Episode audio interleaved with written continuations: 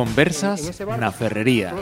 Pontevedra Viva Radio. Eh, clubes importantísimos, federación importantísimo. Claro, era 37 ya su Y la paciencia la paciencia, acercan a ese niño al deporte y después eh, los árbitros.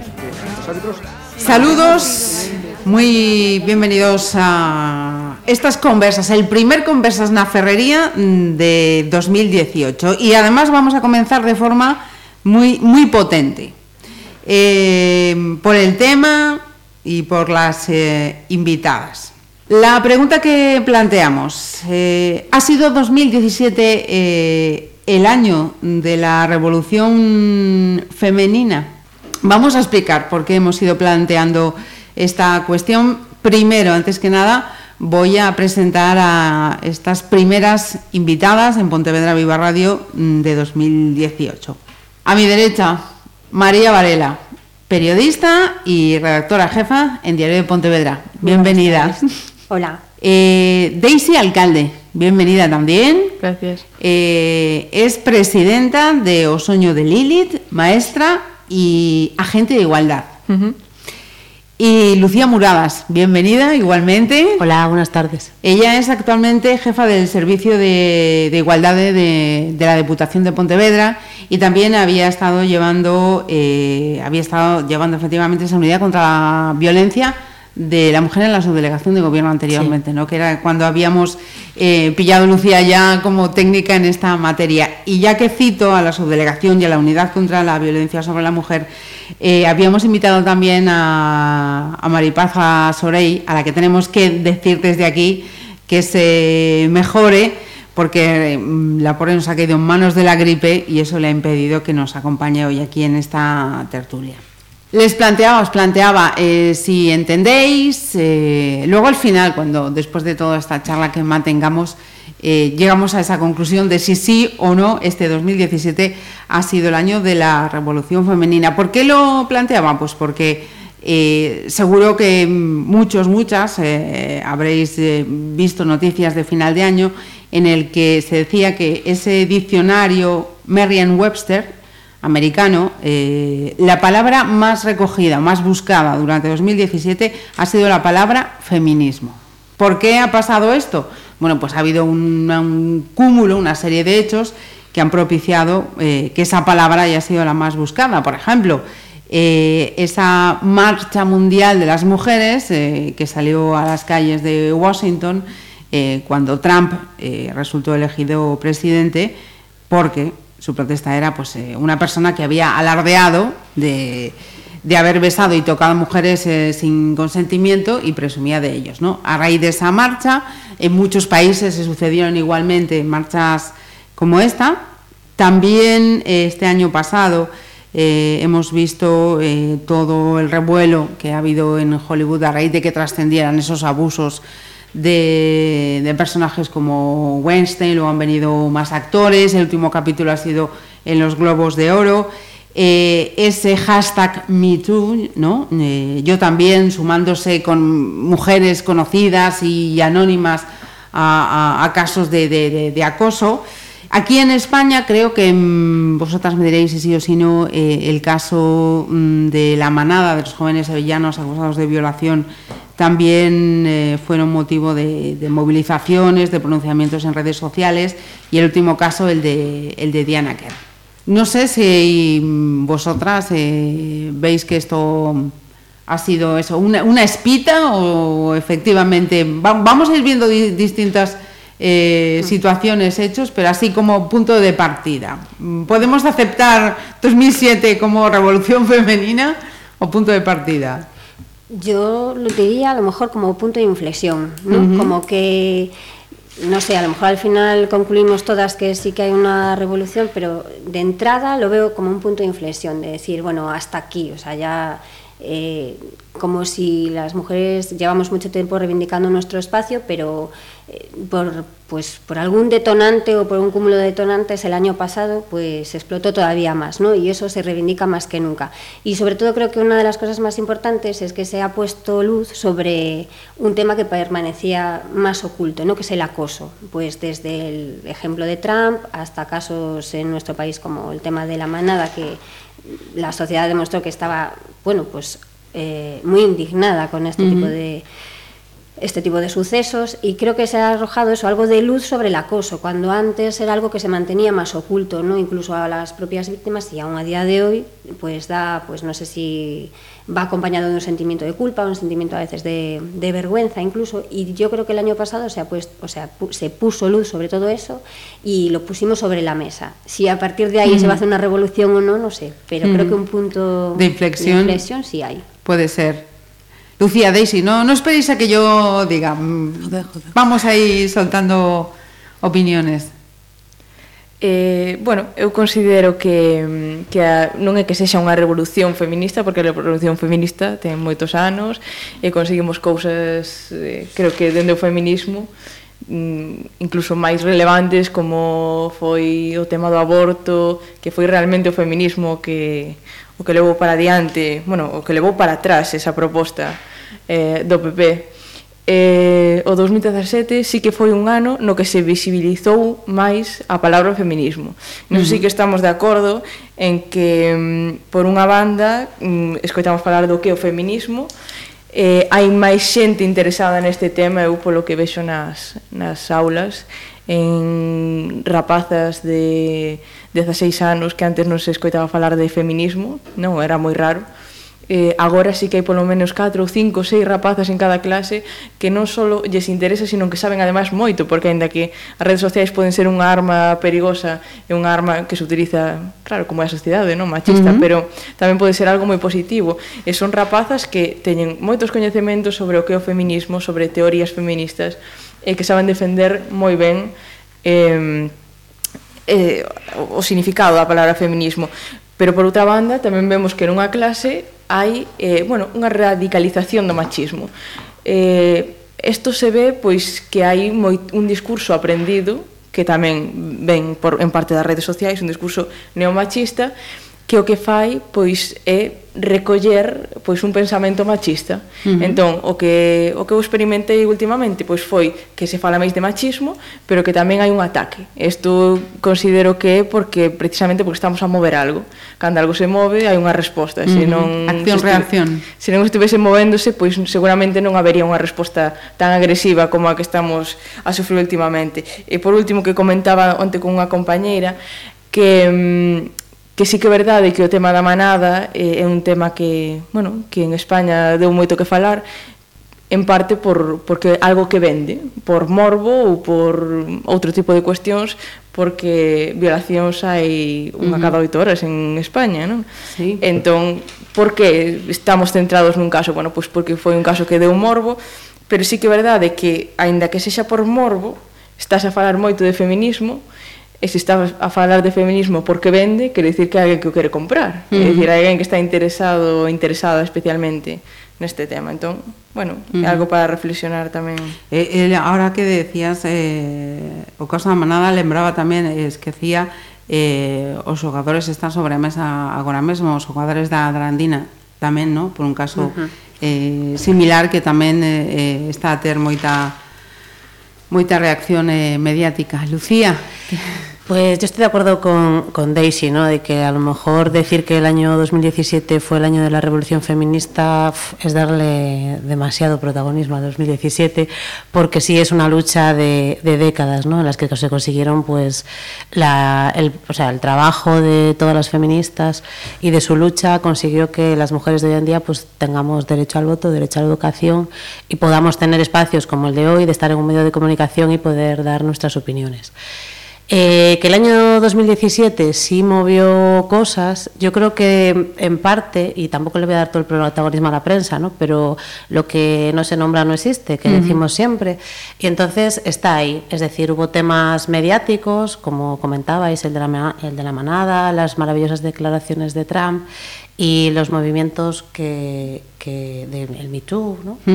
que pues, te vieron en los medios, entonces, bueno, pues lleva a la reflexión, lleva a la, a, la, a la, comunicación del día a día, de las tertulias y demás. Entonces sí que yo creo que se habló demasiado. Uh -huh de este tema. Entonces se visibiliza, estamos ahí, y, y, pero bueno, la, la, lucha feminista sigue, tiene una trayectoria histórica, ¿no? Entonces yo creo que sería darle demasiado protagonismo al 2017. Por otro lado, las redes sociales sí que tienen un discurso patriarcal y, y machista y de hecho las, las, feministas que utilizamos nuestras redes para a veces llevar nuestro mensaje, ¿no? porque tiene que estar en las redes el uh -huh. mensaje feminista, sufrimos ataques constantemente. Entonces, bueno, pues ahí vemos que hay una reacción a nuestras acciones, ¿no? acciones que llevamos años eh, en la calle con nuestras eh, concentraciones, condenas, diferentes actos. Uh -huh. Entonces, bueno, eh, es un, yo creo que es un momento que tenemos que, que, que aprovechar ¿no? e intentar visibilizar mucho más las diferentes eh, violencias que se ejercen sobre las mujeres por el hecho de ser mujeres y ponerle nombres a las cosas, uh -huh. porque si no le ponemos nombres, evidentemente, pues no, no están ahí. ¿no? Reacciones, por ejemplo, ahora que hablas de eso, como las que acabamos de ver de, de artistas e intelectuales francesas, ¿no? Que, que, reaccionan contra, contra todo este movimiento Me Too, ¿no? Mm. Tenía yo aquí eh, información del, del país. Voy a citar eh, artistas intelectuales, un centenar de artistas intelectuales francesas contra el puritanismo eh, sexual. Eh, una frase que decía una de ellas es que la violación efectivamente es un crimen, pero la seducción insistente o torpe no es un delito, ni la galantería una agresión machista que estamos, eh, estamos volviendo a, atrás. Reacciones, por ejemplo, como esas, ¿no? Imagino que sería lo que, a lo que te referías. Eh, sí, bueno, cualquier, eh, tú pones en tu Facebook algún tipo de, de, de, comentario o de cosas que ocurren que que, pues, que te llama la atención, ¿no? Y que dices, pues uh -huh. esto no puede ser, o vamos a condenarlo y tal. Y siempre sale lo, lo, típico, ¿no? De los hombres también son acosados, los hombres también eh, sufren violencia. Entonces te vas a los datos objetivos, porque nosotros tenemos los datos objetivos sobre la mesa, estadísticos, uh -huh. es decir, en este país se recogen estadísticas de, de violencia de género y están, los, las cifras están ahí encima. Y entonces, bueno, siempre hay esa, esa contra, esa, uh -huh. bueno, pero si ya, la igualdad ya está conseguida. Bueno, sí, la igualdad, ¿qué igualdad? Igualdad, la igualdad legal, sí, la igualdad real, no. Entonces, bueno, siempre tenemos ahí esas, esas respuestas, ¿no? Que van en contra de, de, de, lo que se está haciendo. Es que es realmente. muy tentador decir eso, que el año pasado, el 2017, ha sido un año, bueno, pues en el que se ha avanzado muchísimo, pero claro, cuando luego ves los balances y te pones a revisar, pues sigues hablando de brecha salarial, sigues hablando de falta de conciliación, sigues hablando de desigualdad en muchos sentidos, y ya no hablemos de violencia machista, ¿no? que las cifras siguen siendo muy bueno, pues brutales. muy terribles, son brutales. Entonces, bueno, que ha habido movimiento, sí, pero que queda un camino increíble por delante, pues sin duda, ¿no? Yo uh -huh. creo que el, el, tema concreto de la violencia machista es un, uno, bueno, que es ¿no? la máxima expresión de, del machismo, es donde creo que es donde más se debería incidir y donde pues ahí hay que decir con muchísimo cuidado que se ha avanzado, porque realmente yo creo que ahí en ese campo concreto muy poquito. Uh -huh. eh, yo me, bueno, teníamos eso, el balance del año pasado, ¿no? 48 mujeres eh, asesinadas a manos de sus parejas o exparejas, cifras oficiales, que luego hablamos de, bueno, colectivos que contabilizan eh, a todas las mujeres que han eh, bueno, que presuntamente han sido asesinadas de esa manera y el año pasado creo que era una cifra, yo creo que había leído en alguna parte 51, incluso antes de los últimos días de, de, diciembre. diciembre. Hablamos de ocho niños asesinados también por las parejas de sus madres o exparejas o en muchos casos por sus padres y hablamos de 27 niños huérfanos el año pasado. Entonces, creo que decir con la, no podemos decir con la boca grande que se ha avanzado mucho mientras tengamos ese problema tan grande sobre la mesa. Ahora, eh, a nivel de concienciación de, pues lo que decías tú, que cada vez hay, decía Daisy, que cada vez hay más niñas en las aulas que, que, se, que saben de feminismo, que hablan de feminismo y que, bueno, pues van en esa dirección, pues supongo que también es nuestra, nuestra, como nuestra esperanza, ¿no? De, uh -huh. Quizá que, mm, que, ha podido ser que mm, por ser eh, mujeres y en un sector tan potente pues como el cine, más en, en América, quizá eso hayan encendido la, la, luz, pero si bajamos al día a día e incluso pues por países, ¿no? Eh, vemos que, como dice María, que la, la situación, in, incluso lejos de ir para adelante, este año creo que, que las cifras han sido brutales. Bueno, a nivel del cine también, es decir, ellas eh, denunciaban el tema de los acosos, pero si te vas a la, al papel de las mujeres protagonistas en las películas americanas, vemos el que es, uh -huh. el, lo que cobran, la brecha salarial también es, es, sustancial, ¿no? lo que cobra un protagonista de lo que cobra una protagonista. Y después muchas mujeres en la gran pantalla pues el, están pues como un objeto. ¿no? Uh -huh. Entonces ahí también hay muchas más cosas que, o sea, hay muchas más cosas que, que, reivindicar. En cuanto a los datos de violencia machista, eh, ponen de te ponen los pelos de punta no solo las, el número de mujeres que han sido asesinadas, sino los modus operandi de estos asesinatos. ¿no? El contacto directo a la hora de, de, de hacer efectivos estos asesinatos, el hacerlo delante de, de menores, ¿no? de los hijos de, e hijas de las, de las víctimas, el número de, menores que, que, eh, que, son, que se quedan huérfanos cada uh -huh. año, que desde el año 2013 que se lleva contabilizando a nivel eh, oficial son 23 menores. Uh -huh. eh, entonces yo creo que sí tenemos algo que, hacer y tenemos que trabajar muchísimo y tenemos que darle respuesta a estas mujeres que sufren violencia de género a diario, violencia machista en sus casas, ¿no? Eh, que una vez que, se, que acuden a los servicios, que acuden a, a, a los... A, o sea, a, a, todo lo que la ley le pone a su disposición que se cumplan y que uh -huh. realmente sí que tengan un sistema de protección real.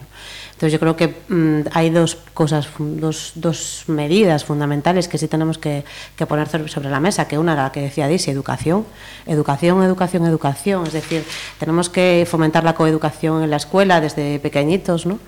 Y, y, trabajar ese tema y por otro lado eh, la coordinación, la colaboración y la contemporaneidad de los agentes que están llamados a intervenir, es decir, uh -huh. de las y los profesionales de sanidad, de las y los profesionales de los cuerpos y fuerzas de igualdad del Estado, que una mujer que acuda una mujer que pida ayuda, que tenga la respuesta que la ley le garantiza. Uh -huh. Entonces yo creo que ahí sí que tenemos que también formar a esas profesionales y a esos profesionales para que desde la perspectiva de género sepan atender ¿no? la, la, demanda que, uh -huh. que, tienen. Y para mí yo creo que son dos pilares fundamentales en los que hay que incidir muchísimo. Hay que poner presupuesto, evidentemente, porque las cosas claro. cuestan ¿no? llevarlas a cabo. Y incidir ahí las políticas uh -huh. que, que Hablando de, políticas, que, que, se cumplan, ¿no? Hablábamos eh, antes de, darle a la lucecita encender los micrófonos de, del caso de, Diana Kerr, si se contabiliza o no como caso de, violencia eh, machista, y ahí hablábamos pues de esa ley de medidas de, protección integral contra la violencia de género, que en, en este caso, según tal y como está la ley ahora, no, no queda incluida y, Lucía nos, aclaraba de, del por qué y qué es lo que pasa. Te voy a pedir que nos lo, repitas. Eh, a ver, el convenio de Estambul, que España ratificó en el año 2014, recoge como violencia de género todas las violencias que se ejercen sobre las mujeres por el hecho de ser mujeres. Con lo cual, eh, el caso de Diana Kerr sí sería eh, violencia machista, violencia de género. Uh -huh. En el Pacto de Estado, que son medidas que se aprobaron, se recoge la modificación de ese concepto de violencia de género, entonces incluirla como, eh, como violencia de género que, a todos los efectos. Pero para eso tiene que haber una reforma legal.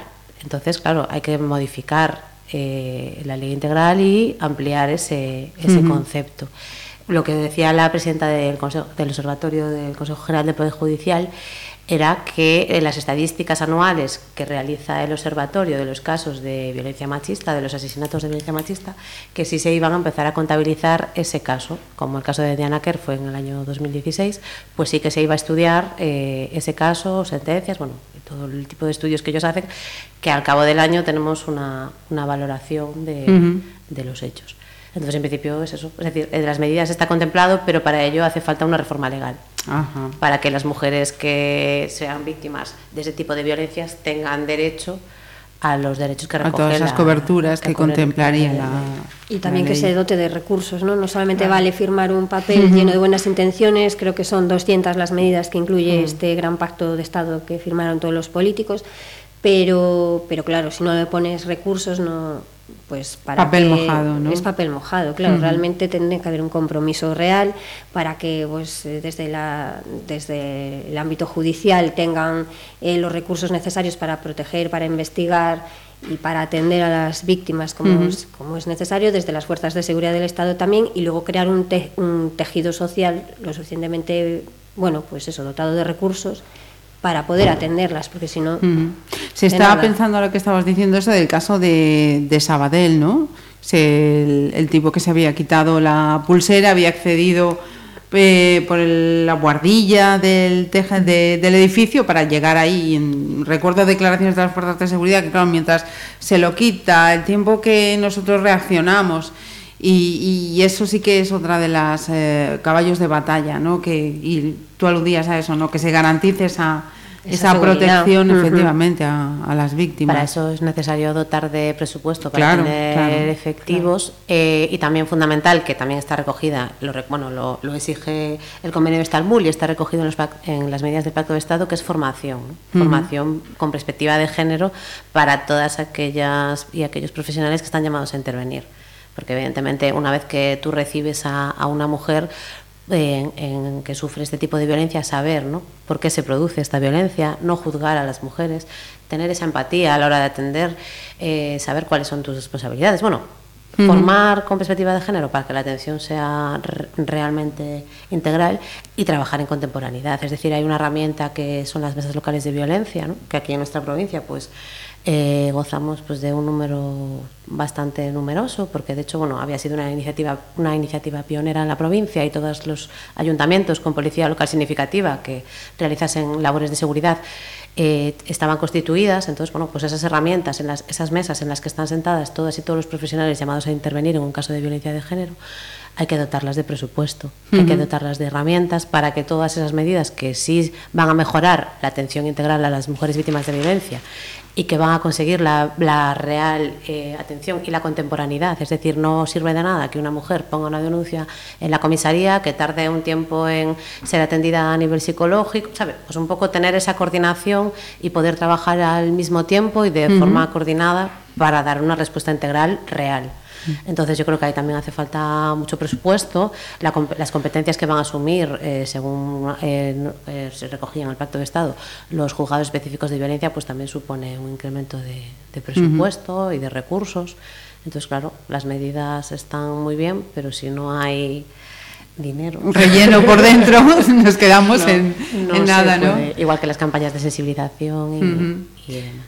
Hablando precisamente de eso, ¿no? De, sensibilización, y una de las frases que decías, ¿no? Lo de juzgar a, las mujeres. Ahí quería eh, entrar eh, también, si os parece, mm, nos quedamos ya en el, contexto nacional, ¿no? Todavía lo que nos queda por, por trabajar eh, en, el tema de, de concienciación y de mm, ponernos esas gafitas de género todavía que nos hacen mucha mucha falta, ¿no? Mucho debate, mucho se abrió, por ejemplo, eso, en el caso de, de la manada, ¿no?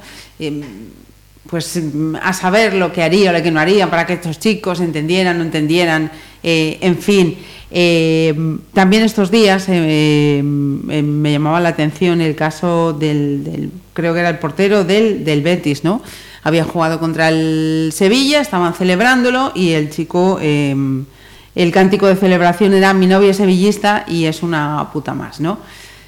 Situaciones así que mm, en muchos contextos siguen siendo normales, pues eh, resulta que no, que no, vamos, no, no, son ni, ni, ni medio, ni cuarto, ni mitad, ni, No, ni siquiera. que deberíamos esas bueno pues no no callar ante ellas y especialmente bueno hablando del, del mundo del fútbol que es un mundo pues particularmente eh, machista ¿no? Eh, bueno, hasta ahora parecía que estaba todo permitido, pero bueno, ahora parece que empieza a ser que no. Empiezan a denunciarse, pues eso, determinadas actitudes. eh, el caso de los jugadores de fútbol de, De la de la Aranda. Que presuntamente también, eh, bueno, abusaron de, de una niña de, de Menor. 15 años. Eh, bueno, antes parecía como que había cierta impunidad alrededor del mundo del fútbol y ahora, pues, todas esas situaciones que vemos, por lo menos se están denunciando, no permanecen eh, calladas. No me acuerdo en qué campo de fútbol había sido que habían eh, que habían coreado eh, insultando a la novia de un, de un futbolista. Uh -huh. Es que ahora no me más acuerdo. De uno, ¿eh? Eso pasó uh -huh. en más de uno. Sí, sí, sí, y que pasaba como, bueno, que pasa como sin pena ni gloria, se denuncia, tal. Yo creo que ahí tendría que haber medidas concretas censurando ese tipo de, de actitudes contra los futbolistas, ¿no? Como incluso de manera, o sea, como ejemplarizantes para, pues, para, para el resto de, de la sociedad. Bueno, no sé, digo por el fútbol que tiene tanto seguimiento. Sí. sí. Y que además estamos hablando de una población joven, ¿no? Ah, claro. Tú, de, Daisy, que, tra que trabajas también con, con jóvenes, nos, nos, puedes ahí ilustrar, ¿no? Hasta qué punto puede estar arraigado esos comportamientos eh, machistas.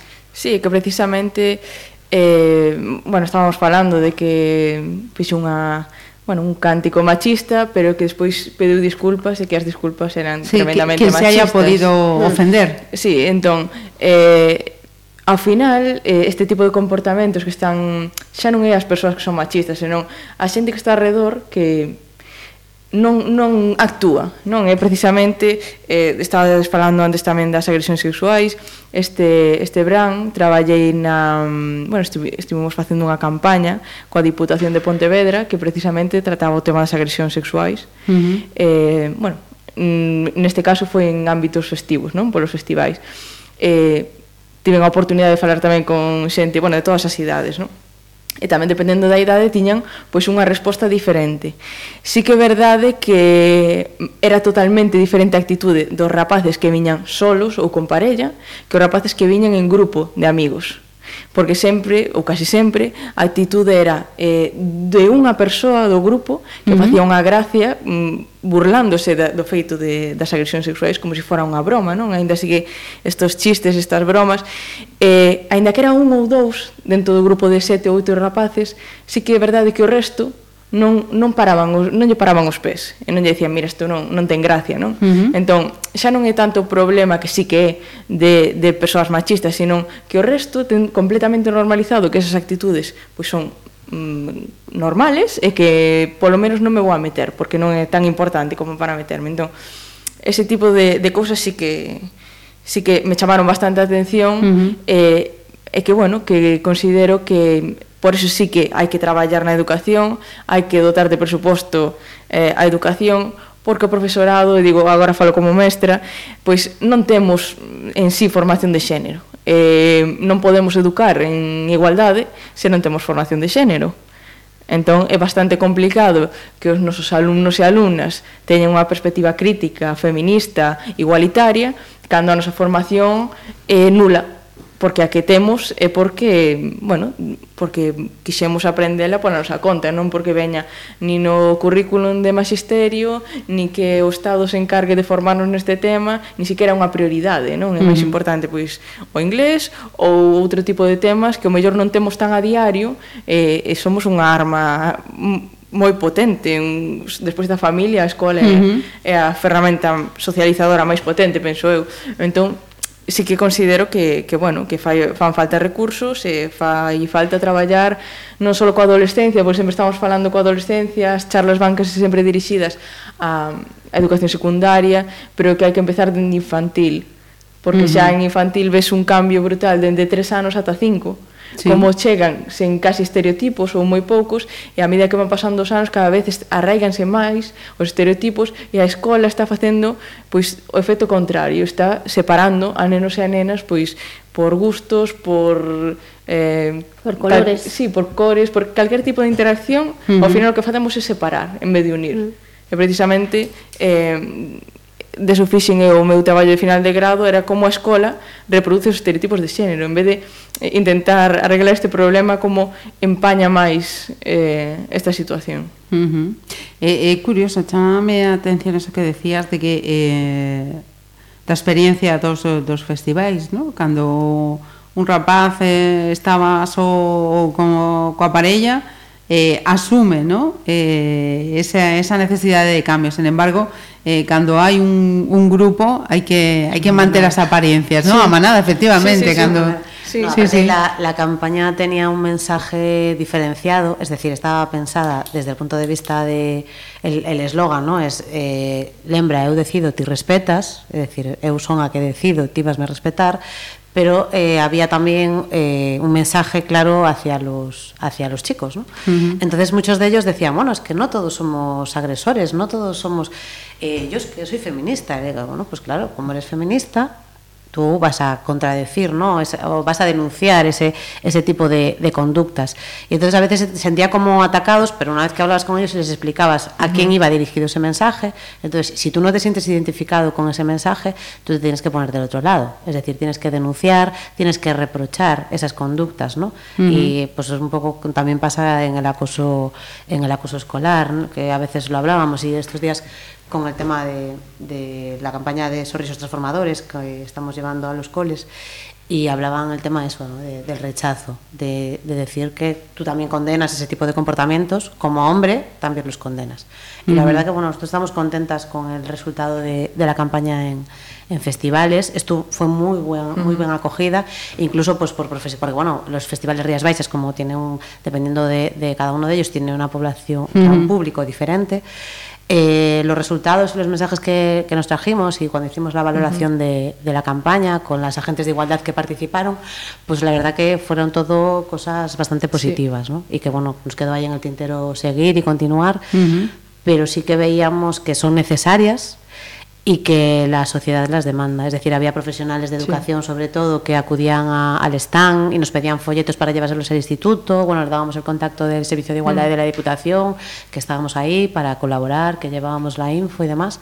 Y a lo mejor a veces venían a por el sombrero, pero una vez que tú comentabas y que ellas hablaban y les explicaban de qué iba la campaña, la mayoría de, de la gente sí que reconoce. Sí, precisamente por eso que comentaba, como non temos formación, bueno, non me incluyo, uh -huh. pero sí que é verdade que mayoritariamente non temos formación, pois cando ven que hai unha campaña que intenta sensibilizar e que hai persoas con formación e que están proporcionando unha, bueno, unha información, pois sí que a xente interésase, quere saber, pero o problema é ese que non que non hai os medios suficientes en educación, pero sí que é verdade que sobre todo eh, persoas que do campo educativo interesábanse moito polos temas porque tamén consideraban que era un problema nas súas aulas uh -huh. e que querían trasladar ese, eh, esa realidade eh, e facela, bueno, visible, non? Que falabas antes que, que era un tema, falabas que era un tema invisible que agora está saindo un pouco a luz, pois en parte gracias a campañas, gracias ao feminismo e á forza feminista que levamos facendo sempre, pero que ao mellor tampouco se veía tanto nos medios de comunicación, uh -huh. nas redes sociais temos moita presencia agora. E bueno, sí que considero que Y la demanda de la demanda de formación sí que la tienes por parte de las y los profesionales, porque nosotros en la escuela María Viñals, que lleva funcionando dos años, el otro día haciendo cómputo ¿no? del número de personas que pasaron por allí, pues llegamos a 700 personas. ¿no? Es decir, tenemos convenio, hicimos un convenio con la universidad para formar a personal docente, tenemos a profes, estudiantes, o sea, futuras profes y profes y profas, eh, que sí, que están haciendo estos cursos de formación, las ag- eh, gente de los concellos que trabajan en atención di- directa a mujeres, eh, gente de cuerpos y fuerzas de seguridad que acudieron al Castillo de Sotomayor en las jornadas de junio. Entonces, ves que sí que existe esa demanda, con lo cual yo creo que las administraciones públicas tienen la obligación de ofrecer esa formación, ¿no? porque sin, sin formación y sin conocimiento de lo que tienen que trabajar es súper complicado. De hecho, bueno, también eh, acudir, yo creo, fundamental a las escuelas universitarias. Nosotros este año en la Escuela de Enfermería hicimos un módulo de sensibilización de igualdad, ¿no? Y, y sí que ves esa, ese interés. Una vez que se habla de esos temas, una vez que lo pones encima de la mesa, pues es como que se enciende la bombilla y dices, oye, pues yo tengo mi responsabilidad en mi, en mi parcelita profesional, ¿no? Pues como enfermera o como enfermero de urgencias que recibo a una, una chica con una agresión sexual o con una mujer con una paliza, pues tengo que tener las herramientas para saber atender, para estar ahí, para desarrollar esa empatía. Entonces, realmente sí que ves el interés por parte de, de las y de los profesionales. ¿no? O sea, eh, ahí se está trabajando en formación, se está trabajando en información, pero eh, y creo que eras tú, María, ¿no? Antes de, de abrir micros que, que lo hablábamos, ¿no?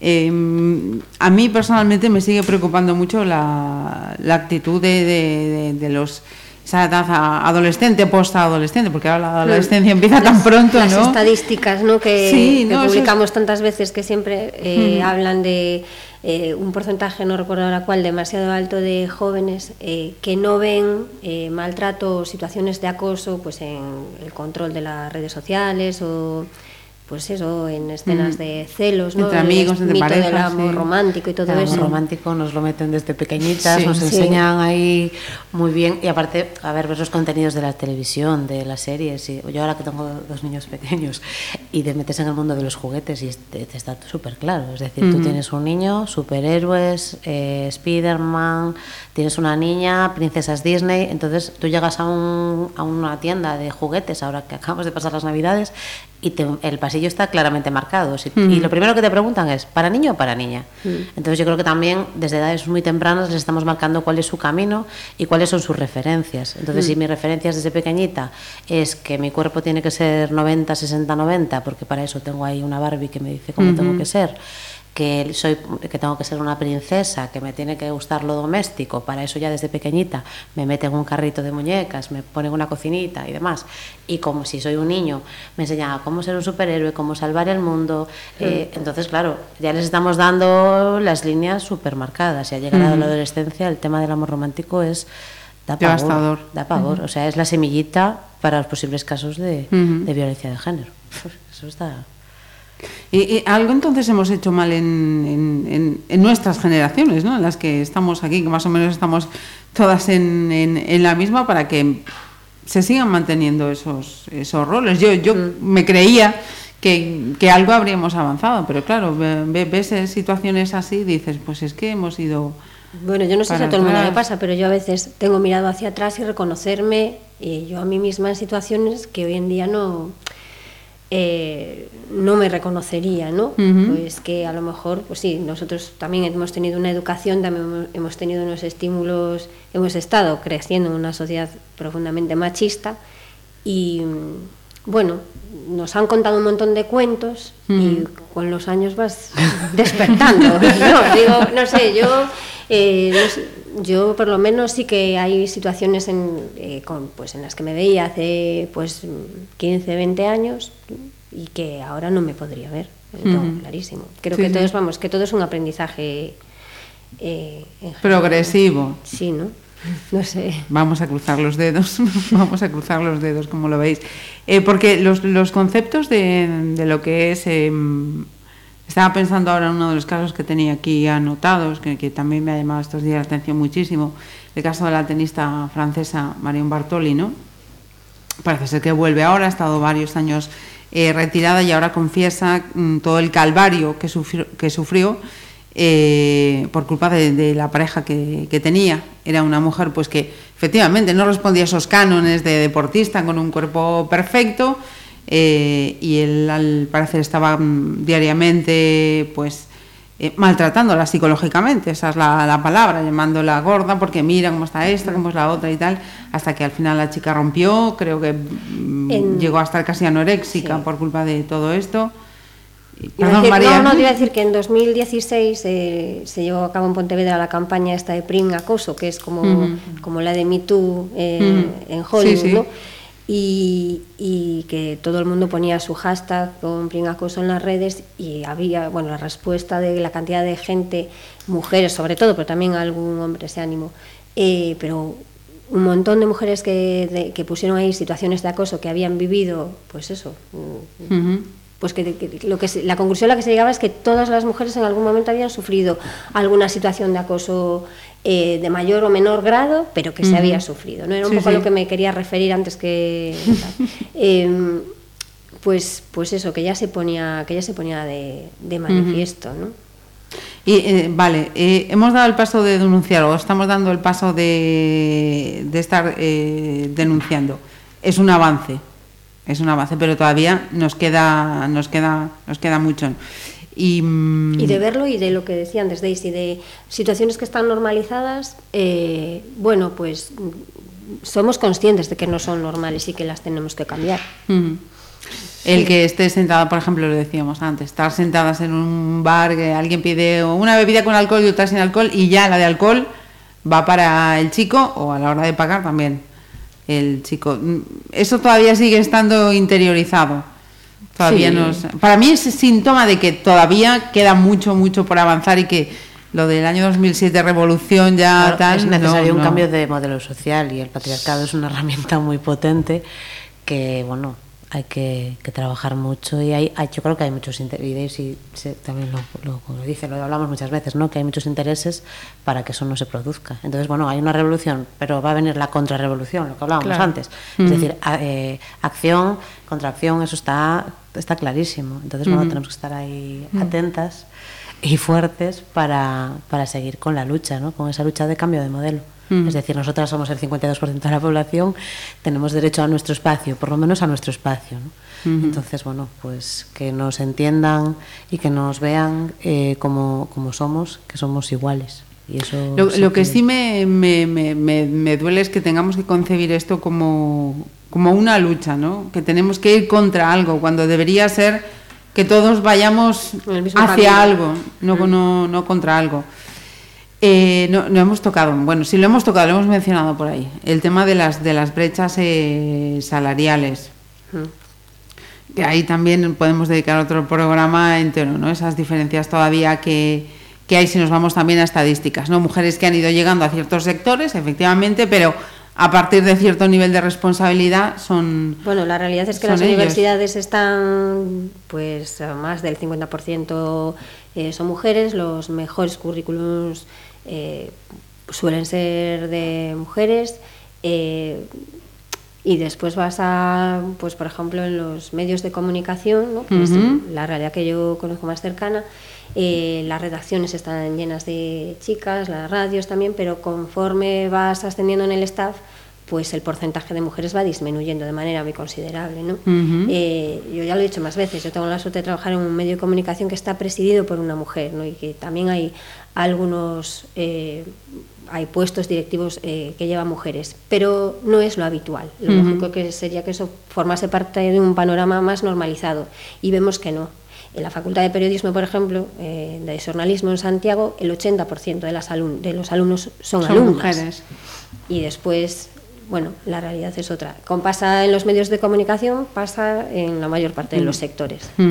Y luego la brecha salarial, pues, eh, eh, pues eso, es muy importante. Creo que la media estaba en 1.600 euros a nivel nacional el, del sueldo de las mujeres frente a 2.000 y algo de ellos.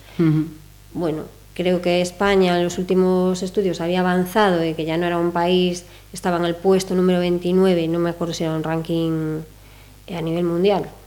Te envidio la memoria de No, sí, no, no, no. soy incapaz de tenerlo No, en la espera, cabeza, es por- porque al estar trabajando con, pues eso, con reportajes de estos, pero mira, exactamente, lo tengo aquí anotado, memoria nada, ¿eh? 1.661 reciben las mujeres frente a 2.075 euros mensuales de ellos, según datos del INE, o sea, son datos oficiales. Y la diferencia salarial entre unos y otros supera el 23%. En estos momentos, ¿no? en pleno siglo XXI, cuando con la mujer completamente incorporada al mercado laboral y todas las cosas que hablábamos antes, no tiene sentido. ¿no? Doble carga de trabajo, doble responsabilidad en el ámbito doméstico. Esa teórica conciliación. Problemas de conciliación, todo suma, todo suma. Y después, claro, yo, a ver, tengo la suerte también de trabajar en una institución presidida por una mujer, pero es la única presidenta de la Diputación en Galicia, la primera en la historia de la Diputación de Pontevedra. Y el otro día estábamos en, en un acto que, bueno, y, y comentaba, ¿no? Y de la primera, su, su delegada del gobierno, presidenta de la Diputación, directora del aeropuerto, eh, presidenta de la autoridad. Pero era, en el año 2017 eran las primeras, la Ujú. primera, la primera, la primera.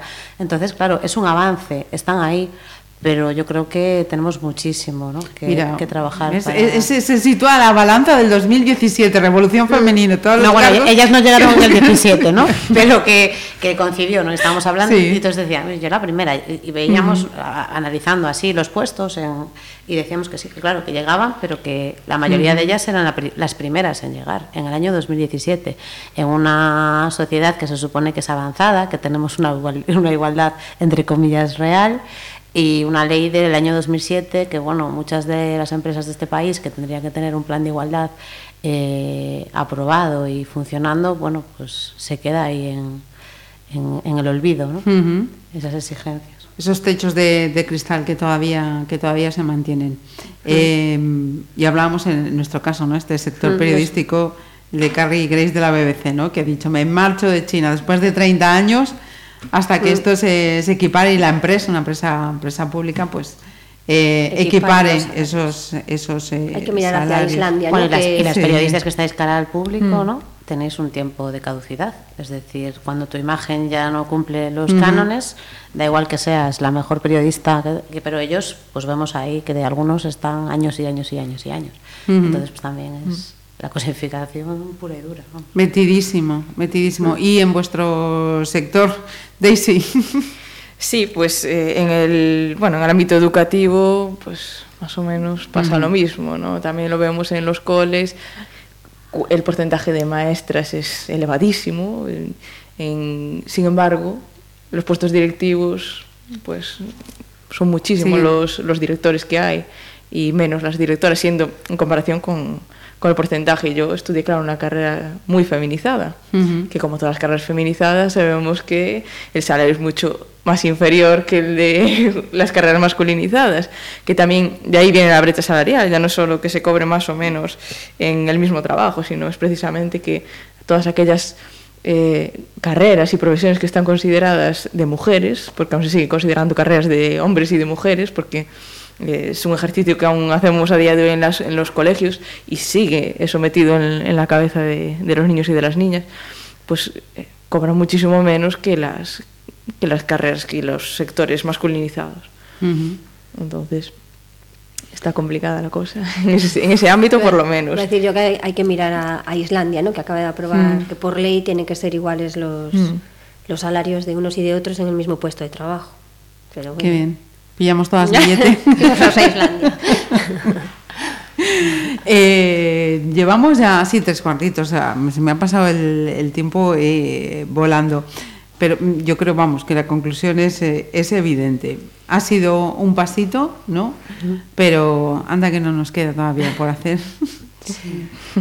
Pero bueno, seguiremos ahí en, en la en la lucha desde sí. nuestros bueno desde, desde nuestro trabajo no y, y, desde la lucha desde la lucha feminista uh -huh. yo creo que sí que tenemos que reconocer ese trabajo de, de, de la, del feminismo no porque gracias a todo lo que hicieron nuestras antecesoras pues hoy tenemos un, un poquito más de espacio uh -huh. pero sí que me parece eso yo me mantengo en lo que dije al principio no que sí hay hubo una visibilización de determinados aspectos pero yo no le daría tanto tanto protagonismo tanto. al 2017, sino que es una lucha de, de, muchos años en los que, bueno, esperemos ir recogiendo frutos y cada vez más y uh -huh. no retroceder, no tener esa, esa contra que nos venga ahí, uh -huh. porque realmente sí algo se, se está moviendo. Si, si esta tertulia la trasladamos a diciembre de 2018 eh, y te pregunto, Lucía, mm, ¿qué consecución eh, ha sido para ti la importante?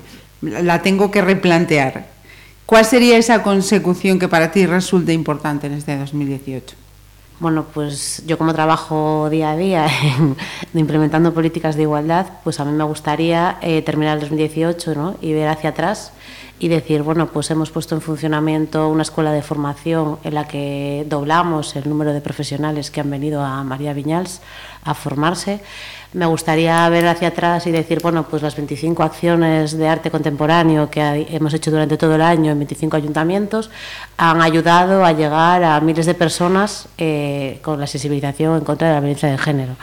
Me gustaría ver hacia atrás y decir los programas que hacemos para visibilizar a las mujeres en el mundo del arte, en el mundo del cine, en el mundo del teatro, en el mundo del deporte, pues bueno, que hay más mujeres en la provincia de Pontevedra, porque ya solo os voy a hablar de la provincia de Pontevedra. Uh -huh. Hay mujeres creadoras, hay mujeres periodistas importantes, hay mujeres en el mundo del mar, hay mujeres en el rural. Uh -huh. Entonces me gustaría, bueno, pues visibilizar todo ese trabajo y con nuestros granitos de arena, ¿no? Pues ir sacándola a la luz. Uh -huh. Me encantaría muchas cosas y mejorar mucho la atención a las víctimas de violencia de género y que el objetivo que tenemos, que es conseguir la igualdad, pues que cada vez sea más real. Uh -huh. Sería lo que... Y... Pido poco, ¿eh? Vamos a ver a Lucía este año. Bueno, bueno, separar un segundo, ¿eh? Daisy, ¿y en tu caso? Pois, bueno, me gustaría que os cambios foran, pois claro, como son mestre, pois no ámbito educativo, pero bueno, eh, sí que me gustaría, sobre todo no, no activismo feminista, pois ver que realmente hai un, un aumento, polo menos na nosa asociación sí que notamos que hai un aumento de, de xente, especialmente de xente xoven que está interesada e que se pon en contacto con nós para facer actividades de diferentes ámbitos, diferentes formacións, idades, somos diversas, pero sí que intentamos loitar por un, por un fin común. Uh -huh. Como conclusión, pois estou tamén de acordo con que non poderíamos decir que é o ano do feminismo, ni moito menos, porque por a toda a trayectoria que temos, sí que é verdade que o feminismo, como calquera movimento de xustiza social, pois ten uns altos e baixos, e agora mesmo pode ser que estemos nun momento de maior relevancia a nivel mediático, uh -huh. eh, entón sí que podemos estar aumentando, e por poñer o punto positivo que sempre eh, que vos institutos sempre me din, bueno, que claro, que nos din que somos peores que os nosos pais, que como que o machismo que vai a peor, eu intento ser un pouco positiva e digo, non é que se chades peores no sentido de que sodes máis machistas, senón que a sociedade igual é que avanzou un pouquiño máis e agora somos capaces de recoñecer, pero como eres capaz de consentir isto? non? Uh -huh. Pero e antes estaba o mellor máis normalizado e non non éramos tan conscientes do que pasaba, porque sí que se miramos un pouquiño máis para atrás e vemos algúns programas de televisión de fai oito anos, Sen ir máis lonxe, sí que vemos comentarios que agora eh, estarían nas redes sociais, o Twitter estaría en explosión sí, con certos comentarios que antes pasaban por alto. Entón, uh -huh. que sí, que estamos no camiño, que a loita feminista galega está sendo potente, porque sempre foi potente, eh, seguimos aí, sexa máis ou menos mediático, espero que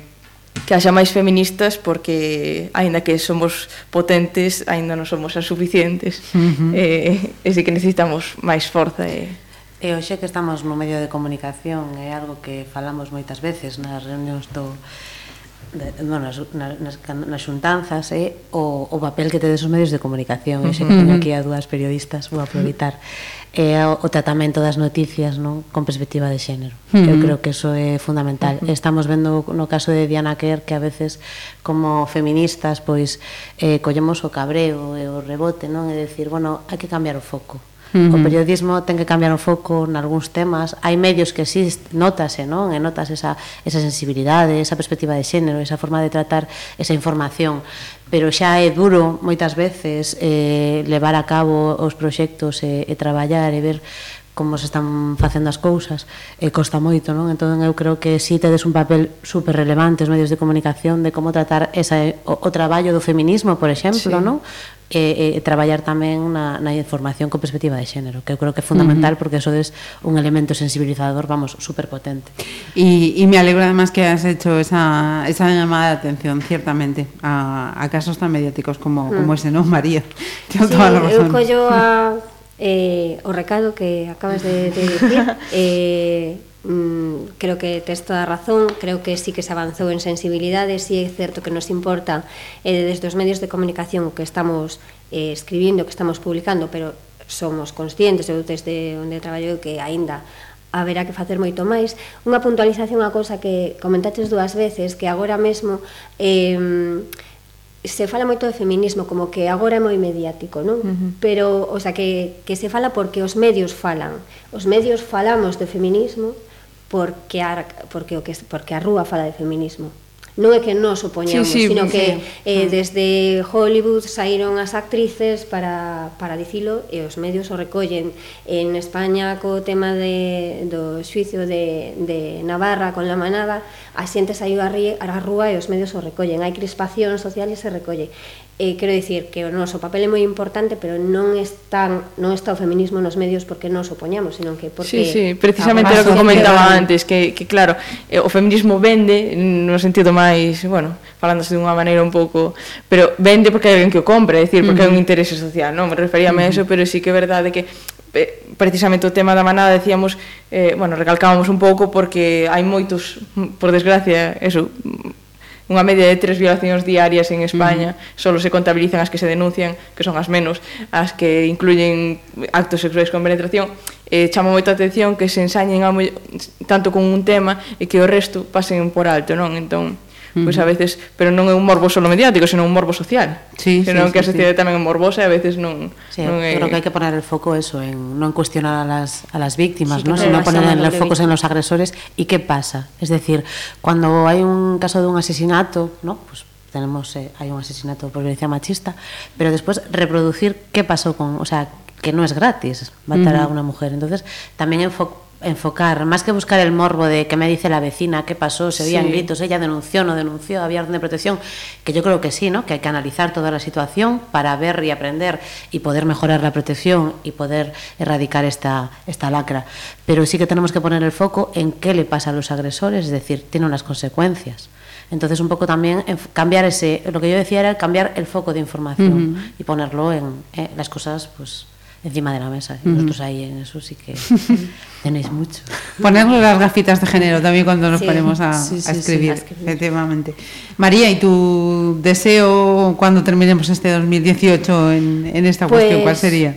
A mí me gustaría que esta intensidad que parece que hemos cogido ahora en este camino pues hacia la igualdad, que no, que no baje, que sea esta, que se mantenga esta intensidad, vamos.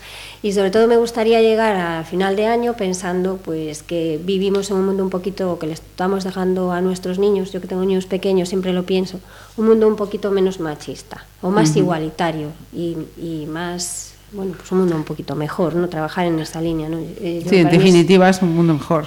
es sin que a mí, pues eh, escuchándote hablar, pues cuando los niños entran en el cole, sí es cierto que ves como entran mm, sin ningún tipo de Prejuicio. prejuicio, y en un año, en dos años ves como ves como los ves cómo se van moldeando de otra manera y por mucho que a veces tú pelees en determinadas cosas eh, cotidianas, como yo que sé, yo lo he contado alguna vez, de cuando le pinto los, las uñas a mis niños, se lo pinto al niño y a las niñas. Pues él, con cinco años, ya no quiere llevar las uñas pintadas al cole. Es una tontería, porque con cuatro años iba, con cinco no, porque... Y en casa, en casa sí que nos las pintamos, pero luego me dice, luego me las borras, porque si no los niños se meten conmigo. Hombre, con Precisamente años ha habido, ya. sí, esta- Claro. estas navidades creo que ha sido, ¿no? Un padre que, que ha tenido una tremenda, tremenda repercusión en, en redes precisamente porque él se pintó Sí. las uñas porque al niño le gustaba pintarse las uñas, se iba al cole y efectivamente recibía las críticas y era motivo de, de burla, ¿no? De, de- de sus compañeros y el padre dijo, sí, pues me voy a pintar también las uñas como el niño y ha, y ha sido una campaña preciosa que ha tenido muchísimo, Mira, muchísimo yo he apoyo. tenido la suerte de llevar a mis niños a, pues a la Galiña Azul, la antigua Galescola, y una de las primeras cosas que nos, había- que nos dijo la directora en el primer año era, bueno, eh, aquí trabajamos con, en coeducación, es decir, si un día llegan los niños a casa con una pinza, eh, no os preocupéis, si se pintan las uñas, pues no os preocupéis, o si las niñas eh, están en la clase de los dragones y los niños en las clases de las princesas, pues no, o sea, no le deis importancia, porque aquí todos vamos a trabajar en la misma línea. Y eso, pues sí que se ve, que en algunas cosas sí que se están trabajando, ¿no? En, en las guarderías o en las escuelas infantiles, por lo menos. Bueno, pues... Bueno, que me fui. 12 que- meses. que al final de año que sea esto un poquito, que tengas la sensación de, bueno, pues hemos avanzado un poquitito más. Con eso yo ya me conformo. Pues eh, yo por mí me- nos reunimos en por lo, por lo menos, por lo menos, por lo menos en el mes de diciembre y, y repasamos. Y por mi parte, pues agradeceros a, a las tres y también a Paz Pobrecita, que, que nos dio Susi también para, para haber estado en esta, en esta charla. Agradeceros este, este ratito y vuestra aportación a este tema. Gracias. Gracias a ti. Conversas na Ferrería. Pontevedra Viva Radio.